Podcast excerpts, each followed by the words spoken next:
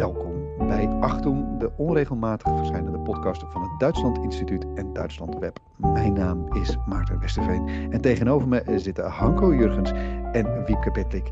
Hanko, Wiepke, welkom. Het ziet er heel knus uit aan jullie kant van de verbinding. Ja, het is ook heel knus. Het ziet er super knus uit. Kaarsje op tafel. Heel mooi. Nou, dat past een beetje bij deze aflevering, want um, ja, het jaar is bijna om.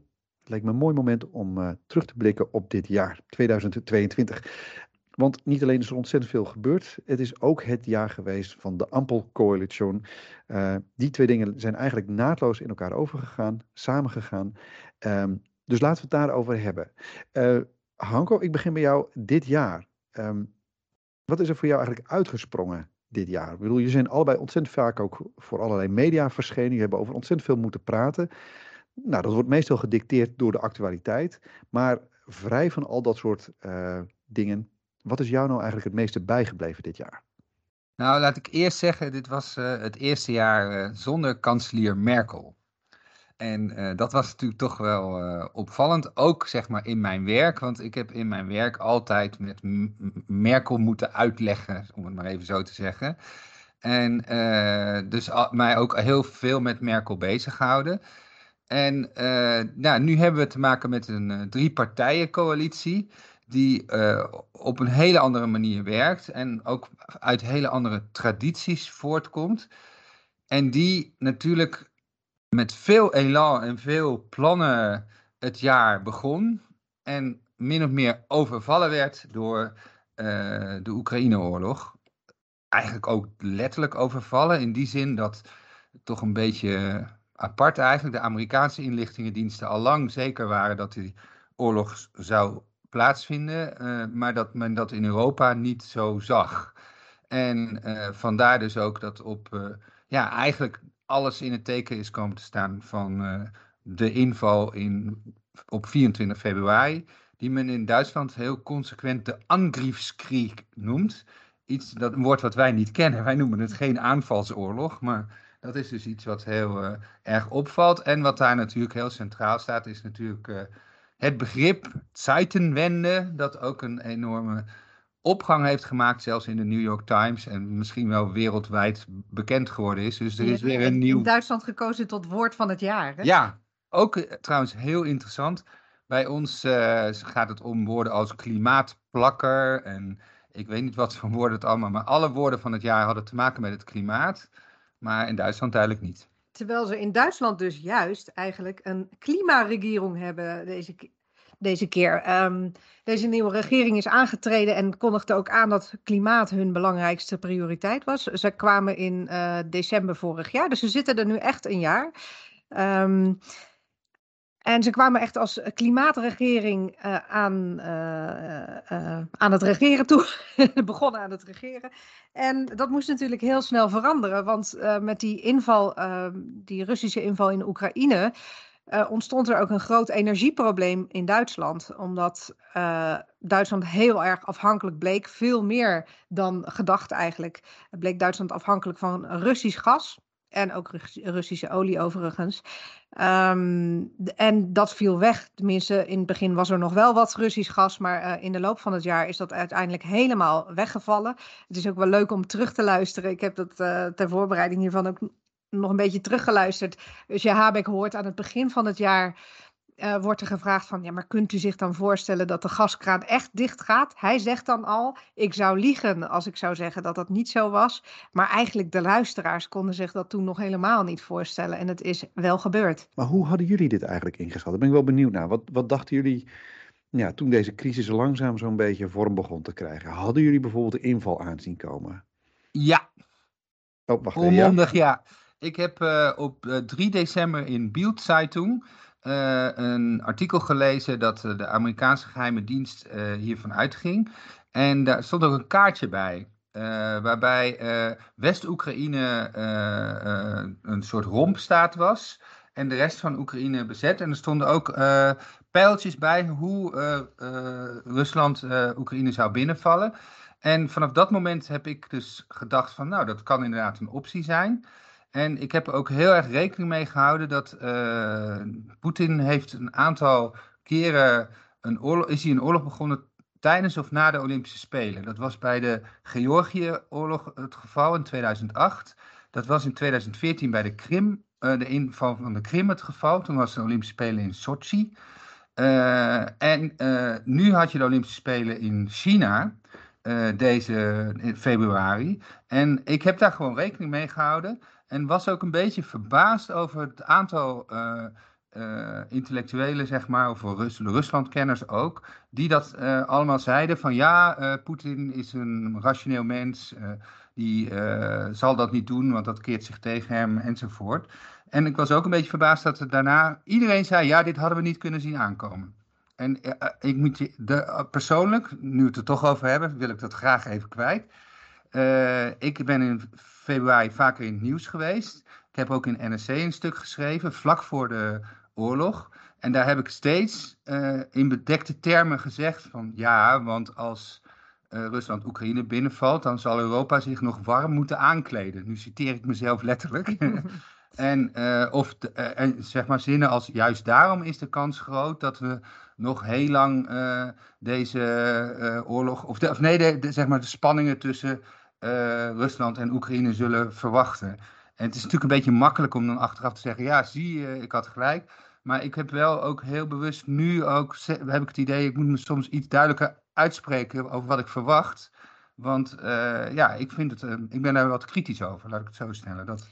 Nou, wat, wat ik vooral opvallend vond, is, ik heb eigenlijk tot het eind toe gehoopt, zoals velen met mij, dat het niet zou gebeuren. Ik had er niet echt een, een, een mening over of het wel of niet zou gebeuren, maar hoopte van niet. Maar wat mij wel heeft verbaasd is um, en Scholz haalt dat ook aan. Hij heeft onlangs een artikel geschreven in Foreign Affairs, een heel lang, uh, hele lange gastbijdrage. En daarin herhaalt hij weer eens, want hij heeft dat eerder gezegd, dat toen hij in december 2021 uh, aantrad, dat hij eerst maar eens heeft nagevraagd van, is er eigenlijk een plan voor het geval Rusland de gaskraan dichtdraait?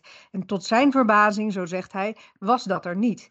En dat heeft mij ook wel verbaasd. Dat uh, Duitsland ten eerste zo afhankelijk is en helemaal geen plan heeft als dat anders wordt. En het is ook een beetje apart, want het was de minister van Financiën die uh, dan als kanselier opeens gaat zeggen van hey, hadden ze in mijn ja. vorige kabinet niet dat plan? En dat weet je niet helemaal zeker of het. Nee, precies. Dus dat is klopt. Ook, uh, uh, Scholz was natuurlijk al lang minister, dus hij had daar misschien dan ook zelf in een eerder stadium al achteraan kunnen gaan. En de SPD heeft natuurlijk ook zichzelf uh, uh, in dat opzicht overgeleverd aan Rusland. En uh, daar is Scholz niet anders in geweest, denk ik, dan alle andere SPD'ers. Nee, Scholz komt echt uit de school van Schreuder. Ja, precies. En, en de, de school van Schreuder was van kanselier Gerhard Schreuder 1998 tot 2005. Was echt heel sterk in het denken over dat, dat er zeg maar geen vrede in Europa mogelijk is zonder Rusland erbij te betrekken. Dat Rusland de verliezer van de Koude Oorlog is en dat Duitsland als geen ander land weet hoe het is om een oorlog te verliezen. En dat je dus uh, behoedzaam om moet gaan met, uh, met Rusland. Uh, en dan heb ik het nou vooral over de Eerste Wereldoorlog en de, het verdrag van Versailles natuurlijk, dat zeg maar heel erg rampzalig uitviel uiteindelijk. Uh, en uh, vond dat ze allerlei theorieën hadden, zeg maar, over de betere omgang met Rusland. Zo, bijvoorbeeld dat men een moderniseringspact moest sluiten of een energieverdrag had. Uh, en daar kwamen natuurlijk de oude theorieën van wandel door Annäherung van Egon Bahr naar voren, die dan inmiddels geëvalueerd waren tot wandel door Verflechtung. Dat is een een term van uh, Frank-Walter Steinmeier, die minister van Buitenlandse Zaken was. Dus de SPD was volledig eigenlijk uh, uh, gefocust op een, een, een, ja, toch zo goed mogelijke relatie met Rusland. en vandaar dus ook dat in mijn optiek dat die term Zeitenwende vooral voor Scholz zelf gold. Scholz moest aangeven ja. dat de SPD niet ja, afstand nam van de oude politiek die ze vanaf 1963 gevoerd hebben. Ja, niemand heeft dat zo duidelijk gedaan als die jij net noemde, Steinmeier. Hè? Die ja. heeft echt gezegd, ik heb me in Rusland vergist. Ik heb me gewoon vergist. Ja. En uh, dat is me ook wel opgevallen, ook bijvoorbeeld bij uh, oud-kanselier Merkel die dat eigenlijk niet zegt. Die, Ja. die toch nog steeds erbij blijft dat het op dat moment eh, de juiste koers was en de weg naar goedkope energie voor Duitsland. Ehm, dus dat, dat vind ik ook wel een belangrijke. De Groenen hebben daar een wat makkelijkere positie, want die, eh, eh, ja, die hebben sowieso nog niet eh, geregeerd in die. Nou ja, eerder wel, maar niet in de laatste jaren. Dus die zijn niet mede verantwoordelijk voor die afhankelijkheid. En bij de Groenen zie je ook dat het debat heel anders is eigenlijk. Hè? De Groenen eh, komen natuurlijk voort ook uit de vredesbeweging, maar zijn eigenlijk in deze eh, kwestie de haviken gebleken. We riepen het hardst om eh, wapenleveranties aan, eh, ehm, aan Oekraïne. En dus dat is ook wel een, opmerkelijke positie. Ja, ik vind dat historisch ook heel interessant, want dat is echt terug te voeren op de, ook zeg maar dat kabinet Schreuder-Fischer. De tijd dat eh, Joschka Fischer de, de Kosovo-oorlog, de Duitse inzet van F-16's in de Kosovo-oorlog heeft verdedigd voor zijn eigen partij. eh, met de bekende woorden eh, dat hij eerst voor Nie Krieg was, maar dat hij nou voor Nie Krieg, Auschwitz is. Dat met elkaar gekoppeld. Geen concentratiekampen in de Balkan. En dus moeten we F-16's inzetten in de Kosovo-oorlog. En eh, de nieuwe generatie leiders van de Groenen zijn natuurlijk toch allemaal eh, dochters en zonen van Fischer. En staan dus in zijn traditie dat ze toch een heel sterk mensenrechtenbeleid voorstaan. En dat dus het dus ook belangrijk is om die mensenrechten in eh, Oekraïne te verdedigen met wapens. De, de, de Groenen zitten dus eh, er heel anders in dan, dan de Sociaaldemocraten, die volgens mij ook teruggrijpend op de jaren tachtig eigenlijk, in hun zeg maar, jeugdjaren gedemonstreerd hebben tegen kernwapens. En dus veel meer door de vredesbeweging zijn beïnvloed, waardoor ze nu ook veel terughoudender zijn uh, in het leveren van wapens. En wat ze zelf zeggen, zeg maar, een bezonnen, een terughoudende, redelijke uh, politieke voer ten aanzien van Oekraïne. Met in het achterhoofd dat ze geen rode lijnen ten aanzien van Poetin willen overschrijden. Ik denk dat het ook gewoon te maken heeft met een soort ja, zelfbeeld. En ook daar denk ik dat de regering Schreuder-Fischer heel belangrijk is. Want uh, in de, toen de Irak-oorlog werd uitge, afgekondigd, heeft Schreuder daar heel duidelijk afstand van genomen. En eigenlijk is het toen, heeft hij toen een pact uh, met Chirac en Poetin gesloten, met z'n drieën, tegen de Irak-oorlog en tegen Amerika. Dus het, Duitsland ziet zichzelf ook als land tussen Amerika en Rusland in. Ja. En uh, dat is niet meer zo. Dat kan nu niet meer. Dus er is, er is gewoon. Nee, dat is je, echt een breuk op dit moment. Wat je in het begin van het jaar ook. Dat was gewoon bijna voelbaar dat politici het heel moeilijk vonden om die, uh, ja. zeker de SPD'ers, om die, om die schakel te maken in hun hoofd. Ja. Dat, uh, nou ja, dat Rusland er nu even helemaal uit ligt en dat je daar niks meer mee kan. En overigens blijft dat geleid aanhouden, hè? want er is een, een uitgebreide uh, discussie met open brieven over en weer uh, van beide kampen in, in tijdschriften en in uh, kranten. Uh, over dat Rusland er wel bij gehouden moet blijven en dat we met Rusland verder moeten en hoe we daarmee om moeten gaan. En dat, dat uh, hoe meer wij Oekraïne ondersteunen, hoe meer we daarmee Rusland provoceren. Hanko, je benoemde net hè, de transformatie van Scholz. Maar waarin is Scholz getransformeerd? Wat is hij nu? Nou ja, wat, dat vond ik wel heel interessant. Uh, eigenlijk moet je dan zeggen het hele kabinet. Uh, zij hebben dus uh, vlak voordat de oorlog begon, hebben ze 5000 helmen geleverd. Vanuit het idee van je moet geen wapens aan crisisgebieden leveren. En als je dat doet, dan moeten het alleen verdedigingswapens zijn. En helmen zijn ook verdedigingswapens. En verdedigingswapens, in die hele discussie werd gezegd, kunnen ook snel aanvalswapens worden. Nou, daar zijn ze enorm in getransformeerd. Want uh, ze leveren nog, nog steeds overigens uh, het liefst een raketschild, zeg maar. Maar ze leveren ook tanks en ze leveren dat dan uh, ja, via zo'n ringtouws vaak, zo heet dat. dat andere landen dan direct tanks leveren. Vaak oude tanks uit de Sovjet-tijd. En die worden dan door Duitsland aan die andere landen weer geleverd, zeg maar. Dus het is een soort doorschuifsysteem. Ja, en vervangen. En is, ik heb gewoon gezien, zeg maar, dat Scholz uh, in, toen hij de Zeitenwende reden uitsprak, nog een zeer behoedzame politiek voorstond. Maar dat hij ergens volgens mij in mei, juni steeds duidelijker afstand heeft genomen van Poetin. En ook steeds duidelijker dus in het kamp van zeg maar de, de, de landen kwam die democratie verdedigt en die Oekraïne, ervoor staat dat Oekraïne uh, uiteindelijk uh, ja, zeg maar het land terug moet krijgen. Want dat was bij Scholz in het begin ook niet helemaal duidelijk hoe hij het formuleerde. Ja, en daar is hij wel in veranderd. Dus hij zit nu heel duidelijk toch in het kritische kamp. levert dus veel meer wapens, maar nog steeds geen Leopard tanks. Dus daar, en, en daar wordt geen toestemming voor gegeven.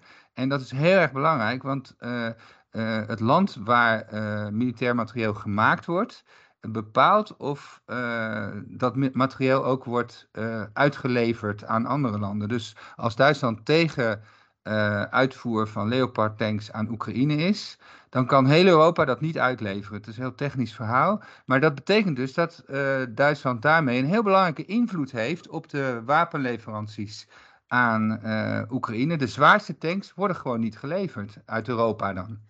Zeker waar, maar tegelijkertijd moet je wel zeggen, uh, die Zeitenwende toespraak die hij drie dagen, meen ik, na de inval heeft gehouden. Um, jij zegt het is eh, voorzichtig. Die was heel duidelijk. Hij was daarin opmerkelijk duidelijk, veel duidelijker dan we eigenlijk ja, verwacht hadden. Dat, dat was, klopt. en in die zin kan je het ook met recht, hij heeft die term zelf uh, gemunt, Zeitenwende, maar uh, je kunt het met recht wel een Zeitenwende toespraak noemen, omdat hij echt ineens een hele andere toon had en uh, inderdaad sprak van die aanvalsoorlog en dat, dat uh, Oekraïne op Duitse steun kan rekenen. En vooral, hij kondigde aan dat er 100 miljard extra voor defensie werd vrijgemaakt, want dat kwam ook in dit jaar wel naar voren, dat de Duitse defensie enorm verwaarloosd is in de afgelopen decennia.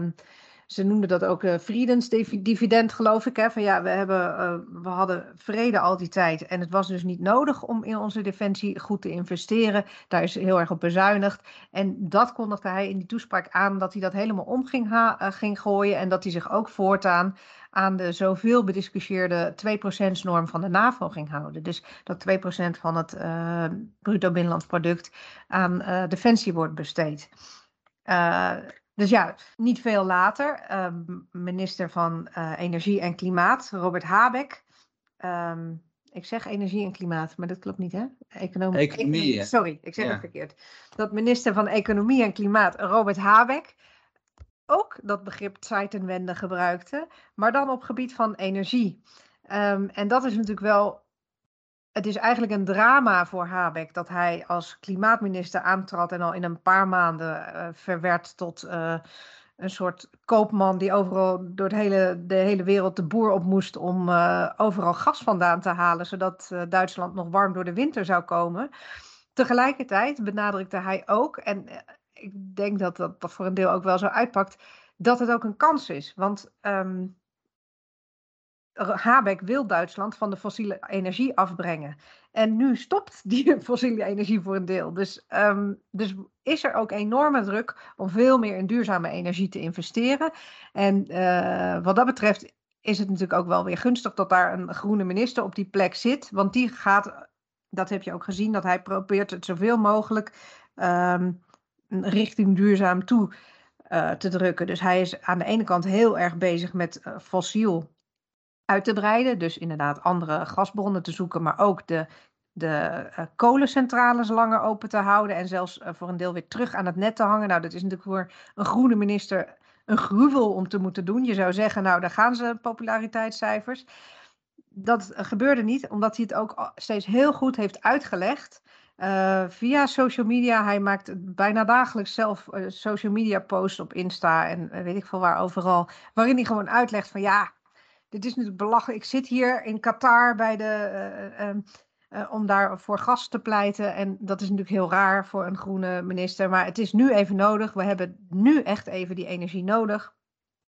Maar tegelijkertijd werk ik heel hard aan bijvoorbeeld het simpeler maken van de vergunningsprocedures voor windmolens of zonnepanelen. Dat, daar zitten enorme bureaucratische hordes, waardoor dat eh, zeker in sommige deelstaten helemaal niet opschiet met die windmolens. Nou, daar is hij enorm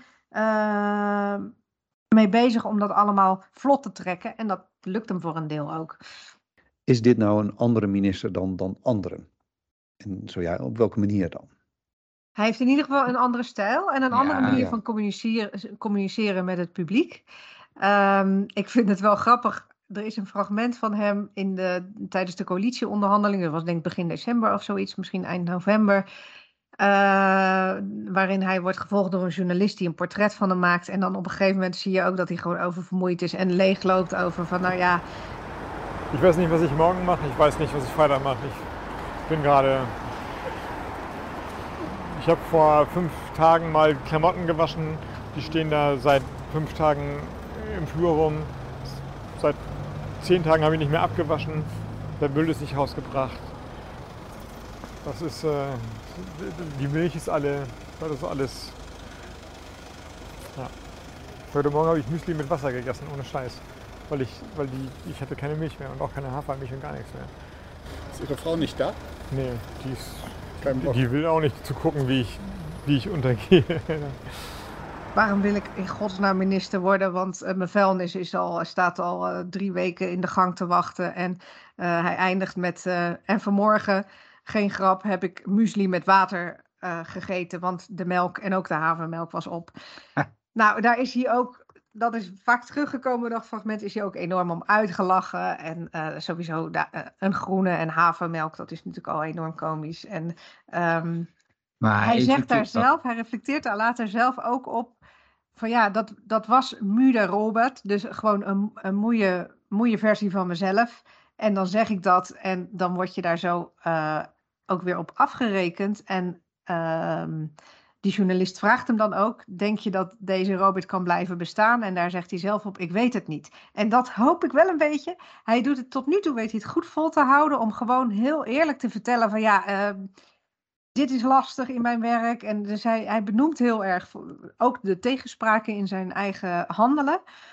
Um, maar wat je natuurlijk bij bijna alle politici ziet, is dat ze dat op een gegeven moment afleren, omdat ze daar ook op teruggepakt tussen aanhalingstekens worden uh, door uh, um, artikelen in de media of ook door andere uh, politici die het bijvoorbeeld belachelijk maken. ik hoop dat hij het vast weet te houden. En, maar daarnaast, dit is natuurlijk eigenlijk alleen, gaat alleen maar om communicatie. Is het een andere politicus in? Ja, ook wel, denk ik. Ik, ik denk ook dat hij heel anders in de politiek staat dan heel veel anderen. Ja, ja ik vind dat communica die communicatie wel heel erg belangrijk hoor. Want hij, hij is echt iemand die het over kan brengen. Die, hij was eh, op een gegeven moment uh, in een van die golfstaten om uh, zeg maar nieuwe contracten te sluiten voor Duitsland. En dan maakt hij even zo'n klein filmpje van vier minuten. En de manier waarop hij dat doet, dat is echt ongelooflijk. En het is natuurlijk toch ook wel een beetje Wat is daar ongelooflijk aan? Kun je het even Nou ja, ongelooflijk in de zin van, ja, misschien ook wel, ik kan het wel iets breder trekken. In 2012 schreef Timothy Garton Ashton essay over de nieuwe Duitse kwesties. Uh, waarin hij uh, ook een aantal problemen uh, opdiste. En één daarvan was dat de Duitse politici niet goed zijn in zeg maar pleinen vol aan te trekken met redenvoeringen. Sterker nog, hij vond het een soort plastic Lego-taal, Lego language. en ja, zolang politici dus niet retorisch begaafd zijn, is het de vraag of zij ook internationaal, zeg maar, die leidersrol kunnen vervullen.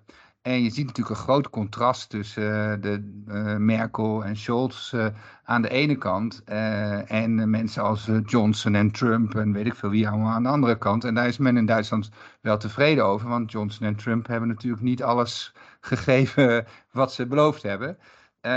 maar Robert Habeck uh, is wel zo'n communicator die in ieder geval ook uh, ja, een zekere menselijkheid heeft, maar ook uh, in staat is om uit zijn hoofd 20 minuten een geweldige toespraak te houden. En ja, dat is voor politici ja, niet onbelangrijk dat je ehm, ook niet alleen in eigen land, maar ook in het buitenland zeg maar, het oor weet te vinden.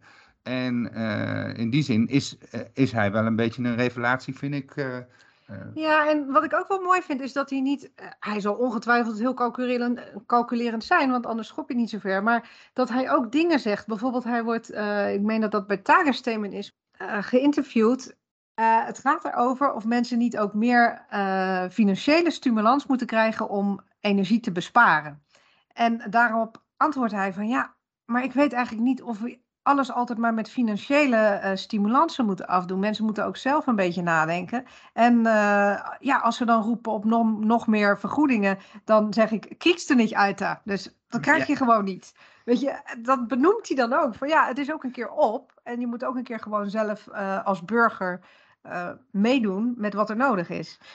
Ja, wat ik ook wel interessant vind, is het maakt hem ook kwetsbaar natuurlijk. Ja. Want, toen was heel veel gedoe deze zomer om een soort ja, gasomslag. De, iedere burger zou moeten betalen, geloof ik, als ik het goed heb. Ja, was vrij ingewikkeld. Een, ja, een en er was extra een toeslag, heffing ja. Er was veel over te doen. En, en dat lukte niet. En toen was de oppositie natuurlijk meteen zover dat ze zei: ja, mooi praterij allemaal. Die man die kan leuk babbelen, maar regelen en organiseren, ho maar.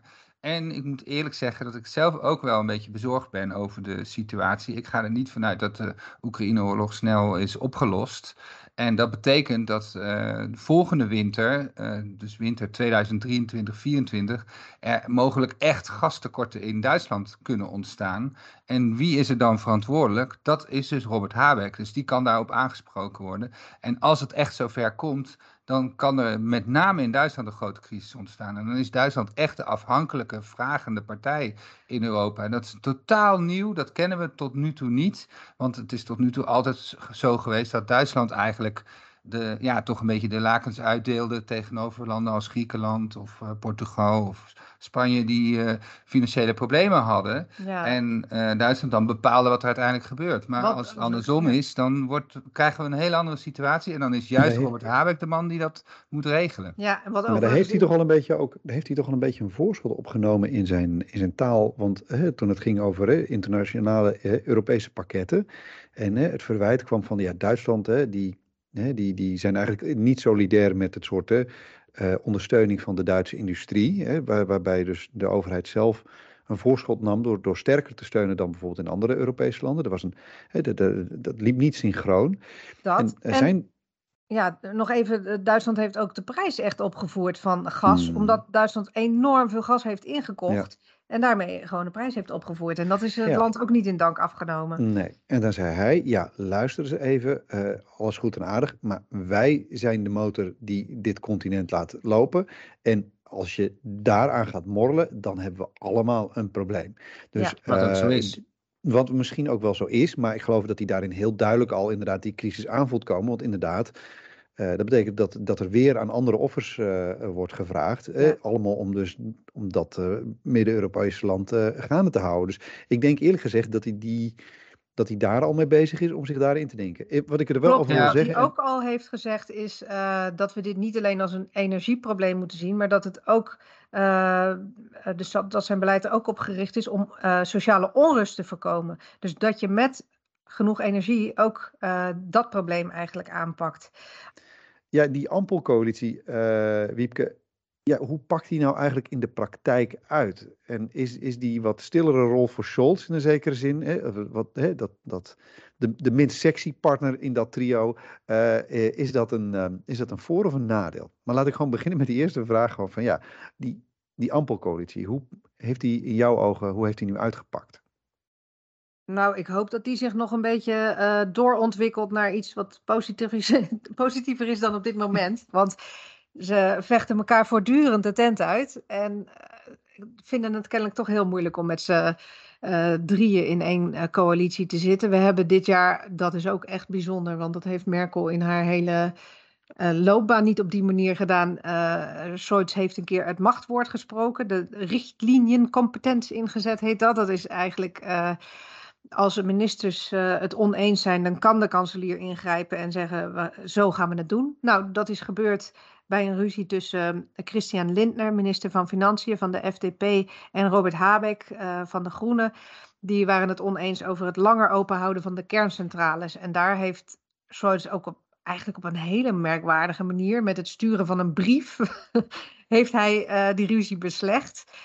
Dat vond ik wel tekenend. eh, voor de slechte communicatie ook eh, tussen deze drie partijen. En ik had, je zou denken, het is voor Scholz is gewoon niet zo uh, goed in communicatie, komt niet erg warm of sympathiek over. Hij zou er toch zoveel profijt van kunnen hebben dat hij twee ministers naast zich heeft die dat wel hebben. En uh, samen zouden ze een heel sterk team kunnen vormen. Maar helaas, uh, zo werkt het niet. ze zien elkaar vooral als rivalen, heb ik het gevoel. Ja, heel erg. Ja. Nou, ik vind wel dat je Scholz niet moet onderschatten. Want ik zie heel veel parallellen met Merkel in het eerste regeringsjaren, die ook werd onderschat. Merkel is ook nou niet echt een hele, nou ja, hoe moet je dat, welk woord moet je, flamboyante nou, persoonlijkheid. En ik denk dat Scholz ook heel duidelijk, zelfs in de verkiezingen, heeft hij de Merkel-ruit een keer gebruikt. Dus de manier waarop hij, hij stapt eigenlijk in de voetsporen van Merkel. En hij wil natuurlijk zeggen aan het einde van de rit van jongens, ik heb jullie beschermd. Geen avonturen, keine experimenten. Hè. Dat is eigenlijk uh, natuurlijk van Adenauer, van de CDU in de jaren 50. Maar eigenlijk is dat wat hij natuurlijk ook zegt. Geen rode lijnen van Poetin overschrijden. Hoopt natuurlijk dat Duitsland weer een onderhandelingspositie daar krijgt. Maar vooral ervoor gezorgd hebben dat het minimumloon is doorgevoerd. Dat de, de, de, de, de kiezer die het minder goed heeft, toch echt bij de SPD aan het goede adres is. En vertrouw mij, daar, dat zijn de parolen waar hij op uit is, zeg maar. En het beeld dat hij ook straks als er weer verkiezingen zijn, wil uitstralen. En dan kan het zomaar zijn dat mensen denken van ja goed, zij is een beetje saai misschien. Maar goed, hij heeft het wel goed gedaan. En laten we maar op Scholz eh, stemmen. Dat is natuurlijk wat bij Merkel in het begin ook gebeurde. En, en Merkel is gewoon uitgegroeid tot een wereldster, zeg maar. Uh, maar in de eerste, het eerste kabinet Merkel had iedereen het over doorworstelen, doormodderen enzovoort. Dus het, eh, het is ook iets wat met de tijd kan groeien. Ja. En het past wel een beetje bij Duitsland, want Merkel uh, heeft het 16 jaar lang heeft ze het zo volgehouden, zeg maar. En uh, alleen lijkt het er nu wel op dat Scholz nog saaier is. En, en, en ook, ja, nog minder in staat. Want bij Merkel zag je, vond ik in ieder geval, dat hij heel goed in staat was om contact te maken met de gewone kiezer. Uh, buiten de pers om, bij wijze van spreken. En ook om af en toe wel uh, opeens uit de band te springen. Of wel iets geks te doen. En wel een opmerkelijke uitspraak te hebben. Eén keer in de zoveel tijd, waarmee ze dan heel veel nieuws uh, vergaarden. En dat vind ik bij Scholz nog een beetje tegenvallen. Ja. Ook als je kijkt ja, van de, de belangrijkste bewegingen op het internationale terrein. De reden in, in Praag over de EU. En uh, uh, waar jij het over had, Wiepke, ook al, die, die, dat artikel in Foreign Affairs over het buitenlandse beleid.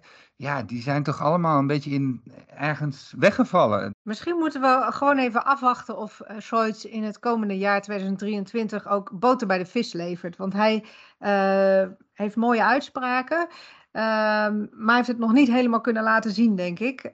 Is jullie werk eigenlijk in het, het, het bestuderen en het verslaan van Duitsland is daar iets in veranderd? Nou, bij mij is het dus enorm veranderd. Uh, en waar heeft dat mee te maken? Ik ben eigenlijk al een tijd bezig met de geschiedenis van Duitsland sinds de val van de muur. En uh, de, daar heb ik allerlei thema's waar ik gewoon in geïnteresseerd ben. Maar de Oekraïne-oorlog heeft zo duidelijk gemaakt dat de geschiedenis en dan bedoel ik eigenlijk uh, niet alleen de geschiedenis van de Tweede Wereldoorlog, want dat ligt natuurlijk een beetje voor de hand, maar ook de geschiedenis van de Neue Oostpolitiek, van uh, de vredesvraagstukken enzovoort, zo'n belangrijke rol speelt op dit moment, met name in de politiek ten aanzien van Oekraïne. En dan ook de geschiedenis van politieke partijen zelf, hè, van de Groenen, van de SPD, die allemaal een eigen verleden hebben.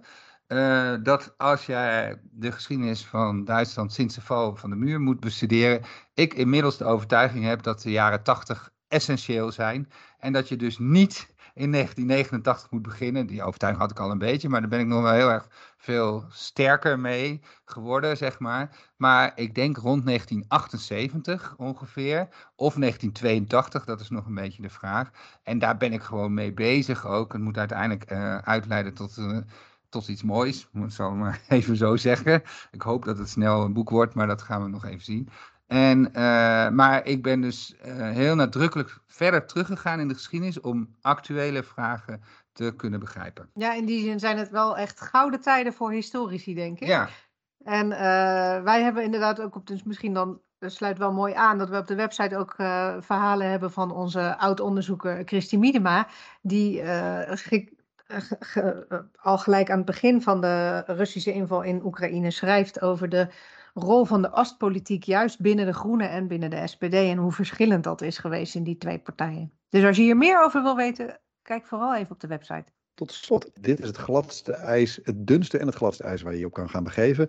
Maar 2023 ehm, komt eraan. Durven jullie daar ook maar, durven jullie daar een voorspelling over te doen? Wat verwachten jullie eigenlijk in het komend jaar? Piepke. Ik durf toch niet meer, want er, er, komen altijd weer gebeurtenissen die je echt niet voorzien hebt. Maar uh, ik weet wel zeker dat de, dat de thema's die we nu hebben besproken, één op één volgend jaar nog net zo belangrijk zijn, denk ik. Ja, ik verwacht dus grote problemen in Oekraïne. Ik denk dat uh, Rusland uh, zal proberen een, uh, een nieuw offensief te beginnen, waarschijnlijk via Belarus. En uh, dat is januari, februari, maart. En dan zal ook uh, de Duitse regering enorm getest worden. Want het huidige beleid van bezonnenheid en behoedzaam, behoedzaam zijn kan dan wel eens onder hele grote druk komen te staan. Rusland heeft nog helemaal niet aangegeven dat ze iets anders willen. Dus ze gaan door met het bombarderen van uh, energiecentrales en van steden. En van, uh, ze gaan gewoon, ze blijven verschrikkelijke dingen doen. En dan is het de vraag van, ja, waar, hoe lang willen wij dat uh, door laten gaan? En uh, dus het, het, de humanitaire ramp kan veel groter worden. Maar ik weet niet of dit is wat je vraagt. Maar dan wordt met name de Duitse politiek dus erg, uh, komt erg onder druk te staan. En ook de vraag van uh, hoe gaan we verder hiermee? En ook de, de sociale onrust in eigen land kan natuurlijk ja. Dat is heel zorgwekkend, ja. vind ik, want uh, dat betekent dat er heel veel meer vluchtelingen komen in, in uh, Duitsland. Er zijn al een miljoen hè, in Duitsland. Afgelopen jaar 1 miljoen vluchtelingen uit Oekraïne naar Duitsland gekomen. Ja, en dat kan dus weer, want we hebben dat natuurlijk uh, met COVID gezien, dat dat enorm ja, boost gegeven heeft aan, aan, aan rechtsextremistische stromingen, om het maar zo te zeggen. En veel vluchtelingen, dat is natuurlijk wat Poetin ook hoopt kan uh, ook een enorme druk geven op de Duitse samenleving en dus ook weer een nieuwe factor betekenen in, uh, bij extreem rechts. Uh, maar uiteindelijk denk ik dat ja, de Duitse democratische traditie zo sterk is en dat dit, dit kabinet zo op elkaar aangewezen is. Want ze kunnen gewoon niet terug op dit moment. Ze kunnen helemaal niks anders dan keurig netjes bij elkaar blijven dat uh, het nog best wel eens zo kan zijn dat ze uiteindelijk, ja, zeg maar, doorworstelend uh, de crisis te boven komen. En dat, dat ze dus toch, ja, uh, ze moeten ook allerlei besluiten nemen, hoe het ook verder gaat lopen. En dat Scholz dus een hele andere rol kan krijgen dan die we nu beschreven hebben. En dan misschien uiteindelijk helemaal niet die saaie politicus is die we denken dat hij is. En uh, dus daar kan gewoon nog zoveel veranderen. En dat maakt ons werk in ieder geval heel interessant, vind ik. Nou, dat, dat zeker weten. Nou, jongens, eh, straks is het uh, tijd voor uh, een nieuwe jaar. En daarna zien we jullie allemaal terug. Want ja, het nieuws in Duitsland, dat houdt me niet op te bestaan. Dus meer dan genoeg gelegenheid in het volgende jaar. Hanko, Wiepke, ik wens jullie alvast fijne dagen. En ik had het al een keer gezegd, maar ik zeg toch nog een keertje. Uh, ik zeg altijd bij het begin dat de Achtung een uh, onregelmatig verschijnende podcast is. En hij is dit jaar wat onregelmatiger, omdat een van onze vaste leden, Maya, ja, in de lappenmand ligt. En ik hoop alleen maar gewoon dat je snel weer beter bent en snel weer gewoon achter de microfoon zit. Maya, mooie dagen en beterschap.